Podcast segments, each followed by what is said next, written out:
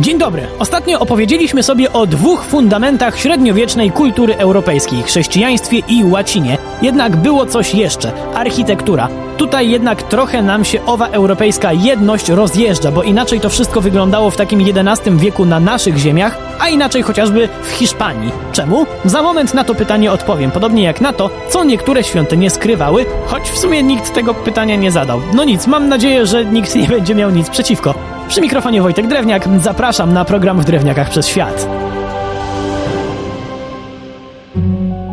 Na początek musimy sobie mocno pewną kwestię zaznaczyć. Wiele osób słysząc określenie architektura średniowieczna od razu ma przed oczami strzeliste gotyckie molochy.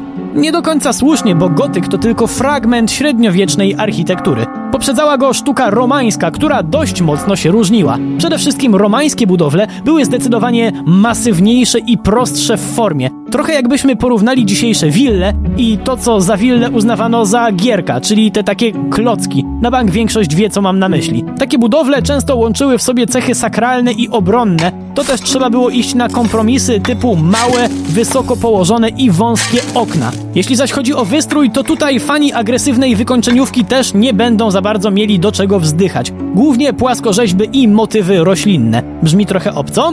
Całkiem słusznie. Bo o ile styl romański był niesamowicie ważny dla chrześcijańskiej Europy w X-XIII wieku, tak u nas próżno szukać tak okazałych budowli jak w kultowym hiszpańskim Santiago de Compostela chociażby, czy włoskiej Pizie. Czemu? Myślę, że większość już się dawno temu domyśliła, ale żeby nie było wątpliwości. Chrześcijaństwo razem z towarzyszącym mu zestawem cywilizacyjnym w postaci łaciny i sztuki dotarło do nas nieporównywalnie później niż do wspomnianych miejsc. Jednak choć w mniejszym stopniu to architektura romańska była oczywiście i u nas obecna, co wiemy zarówno dzięki pracom archeologów, jak i kilku całkiem nieźle zachowanym przykładom, jak na przykład baszta na lubelskim zamku. I w sumie to jest dobry moment, żeby przejść do strefy przynudzacza, to znaczy jakbym był leniem, bo mógłbym teraz zacząć rzucać tekstami w stylu trójnawowa bazylika od wschodu kończąca się trzema apsydami, której nawy oddzielały okrągłe filary.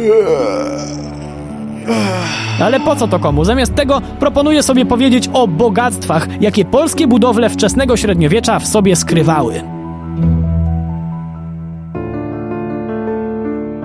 Że w Gnieźnie jest ważna katedra, to wie każdy, prawda? Warto jednak również wiedzieć, że ta obecna ma niewiele wspólnego z pierwszą tamtejszą katedrą założoną na miejscu kościoła Marii Panny w roku tysięcznym.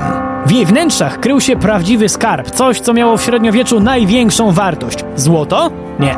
Diamenty? Nie relikwie, konkretnie relikwie świętego Wojciecha. Nie ma się zatem co dziwić, że jak tylko do Gniezna wpadł w ramach zbrojnej wizyty czeski książę Brzetysław, to relikwie ukradł. To oczywiście nie tak, że tylko szczątki świętych były w tamtych czasach cenne. Z radością zawinięto też do Czech trzy wysadzane drogimi kamieniami złote płyty ołtarzowe i darowaną przez cesarza Ottona III wielką figurę Chrystusa na krzyżu, też złotą, a jakże.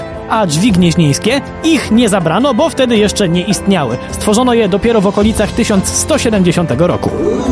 Jednym z najpiękniejszych romańskich wnętrz na terenie naszego kraju jest, przynajmniej jak dla mnie, krypta świętego Leonarda na Wawelu, która jest pozostałością romańskiej katedry hermanowskiej. Co w niej znajdziemy? Sarkofagi bardzo ważnych dla naszej historii ludzi. Tadeusza Kościuszki, Jana III Sobieskiego, Józefa Poniatowskiego czy Maurusa. Kogo?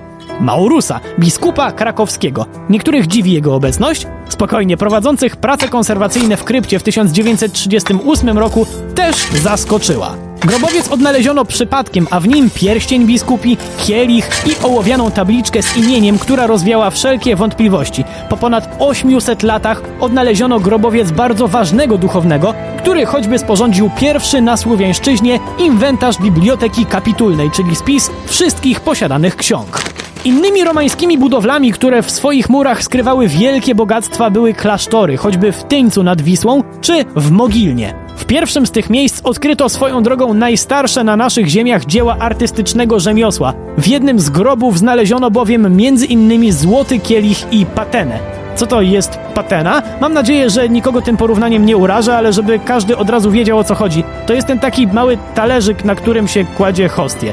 Ta była o tyle wyjątkowa, że miała wyobrażenie błogosławionej Bożej prawicy.